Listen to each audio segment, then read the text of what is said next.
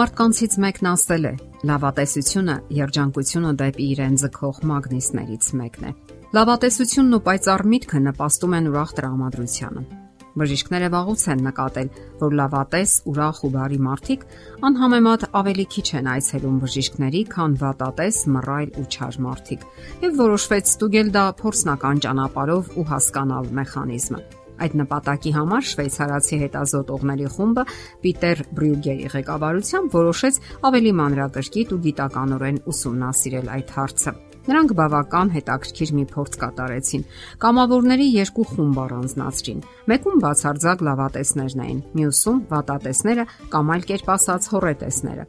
Երկու խմբին էլ գրիպի դեմ պատվաստում արեցին եւ սկսեցին սпасել։ Մեկ ամիս հետո ողջվեց, որ վատատեսների մոտ գրիպի դեմ ավելի քիչ հակամարմիններ են արտադրվել, քան լավատեսների մոտ։ Եվս 3 ամիս հետո ողջվեց, որ մռայլների ու փնփնթանների 70%-ն այնուամենայնիվ հիվանդացել է գրիպով։ Իսկ ահա ուրախների ու զվարթների մոտ այդ թիվը 30%-ի էլ չի հասել։ Հետևությունները ծնվում են ինքնին։ Ավելի հաճախ ճպտացեք, ուրախ եղեք, ինչ էլ լինի, մտածեք միայն լավ բաների մասին Կյանքն իրականում այնքան էլ վատը չէ։ Նույնիսկ ընդհակառակը, այն շատ գեղեցիկ է եւ ուրախության այնքան առիթներ կան։ Վիրավորանքներ պետք չէ կուտակել։ Վերջին ժամանակներում բժիշկներն ավելի ու ավելի են հակվում այն մտքին, որ ամենասարսափելի հիվանդությունների աղբյուրը ներառյալ քաղցկեղային համարվում են մեր վիրավորանքները, որոնք մենք կուտակում ենք եւ տարիներով սնում ու փայփայում մեր հոգու մեջ։ Իսկ ինչից են վիրավորվում մարդիկ։ Ահա մի քանի պատճառներ։ Մարդկանց մի հսկայական քանակ դժգոհ է ճակատագրից։ Նրանք այն կարծիքին են, որ իրենց բախտը չի բերել եւ անընդհատ գանգատվում են ճակատագրից, ասելով, որ իրենց կյանքն այնպեսին չէ, ինչպիսին իրենք էին պատկերացնում։ Մարդկային մի ստվար հատված դժգոհ է ընկերներից, ասելով, որ հարմար մի պահի նրանք դավաճանում են մի մասն էլ դժգոհ է սիրեցյալից, ով դարձյալ լքել է եւ ավելի հարմար թեկնած ուճարել։ Մյուսները դժգոհում են այն բանից, որ երեխաները չեն արդարացնում իրենց հույսերն ու սպասելիքները։ Շատ մարդիկ էլ տարիներով նեղացած են իրենց հարևաններից, ովքեր իրենց պարտքով փող չեն տալիս, կամ էլ վիրավորված են աշխատանքային ղեկավարներից, ովքեր չեն գնահատում իրենց, անարթարացի են իրենց հանդեպ, կամ էլ հեռացրել են աշխատանքից։ Տեսնում եք, չկա մի ոլորտ, որտեղ մենք չկարողանանք չնեղանալ։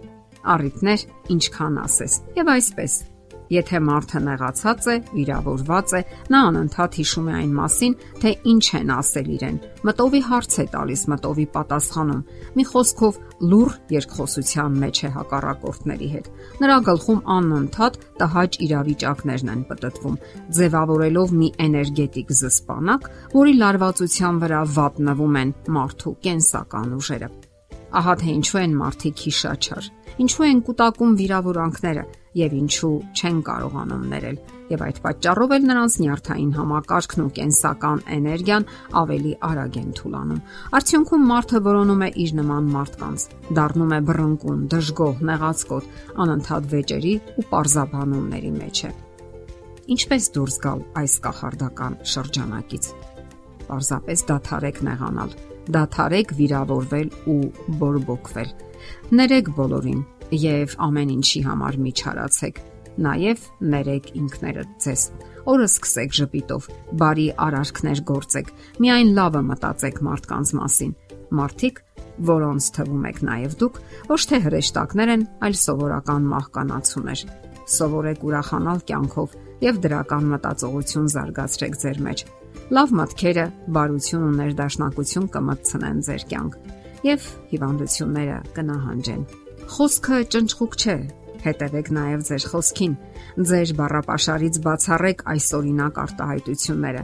Քեզ տեսնել անգամ չեմ ուզում, լսել անգամ չեմ ուզում։ Իրական դեպքեր են եղել, որ այդ մարդիկ հետագայում հիմնախնդիրներ են ունեցել թե տեսողության եւ թե լսողության հետ։ Դրանք կաղապարներ են, ազդանշաններ օրգանիզմի համար, որ մենք չենք ցանկանում տեսնել կամ լսել։ Մենք հաճախ ենք ասում. Քիչ մնաց սիրտս ճաքեր, քիչ էր մնում ինսուլտ ստանայի եւ այլ նման արտահայտություններ։ Սրանք անվնաս արտահայտություններ չեն, այլ սահմանումներ, ձևակերպումներ, որ մեզ հանկարծ կարող է իսկապես նման բան պատահել։ Խուսափեք նաև այս օրինակ արտահայտություններից։ Սրտից վրա մի ծանր քար կա։ Կոկորտիս է կանգնել։ Ես պարզապես կգժվեմ։ Գետինը մտնես եւ այլն։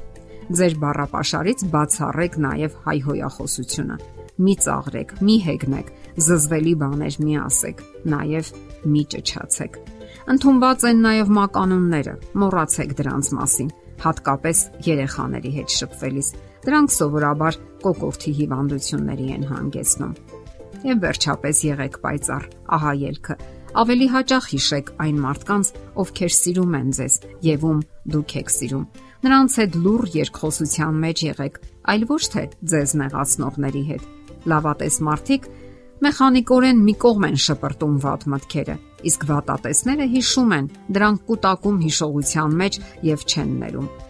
Դրանցից ազատագրվելու համար հոգեբանները հետաքրքիր մեթոդ են առաջարկում։ Այսպես, եթե դուք ինչ որ վատ բան եք հիշել, անմիջապես կանգնեցրեք ներքին մենախոսությունը եւ կենտրոնացեք ուրիշ բանի վրա։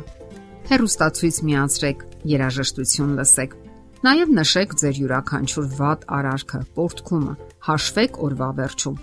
եւ ձգտեք անընդհատ նվազեցնել դրանց քանակը։ Ասենք որ դուք ի վիճակի եք հսկել ձեր վատ մտքերն ու խոսքերը։ Դուք եք դրանց ներս թողել եւ դուք էլ կարող եք հեշտությամբ հեռացնել։ Հոգեբանների հետազոտությունները ցույց են տվել, որ նոր մտածողության ձևավորումը տեղի է ունենում 1 ամսվա ընթացքում այնպես որ զինվեք համբերությամբ եւ սկսեք պայքարը։ Մի վհատվեք, հնարավոր են անկումներ։ Բոլոր դեպքերում պետք չէ դադարեցնել պայքարը։ Դուք կնկատեք, որ արդյունքները երկար սպասեցնել չեն տա։ Ի վերջո, դուք պայքարում եք ձեր առողջության համար եւ ոչ միայն ձեր։ Եթերում առողջ ապրելակերպ հաղորդաշարներ։ Ձեզ հետ է Գեղեցիկ Մարտիրոսյանը։ Հարցերի եւ առաջարկությունների համար զանգահարել 033 87 87 87 հեռախոսահամարով։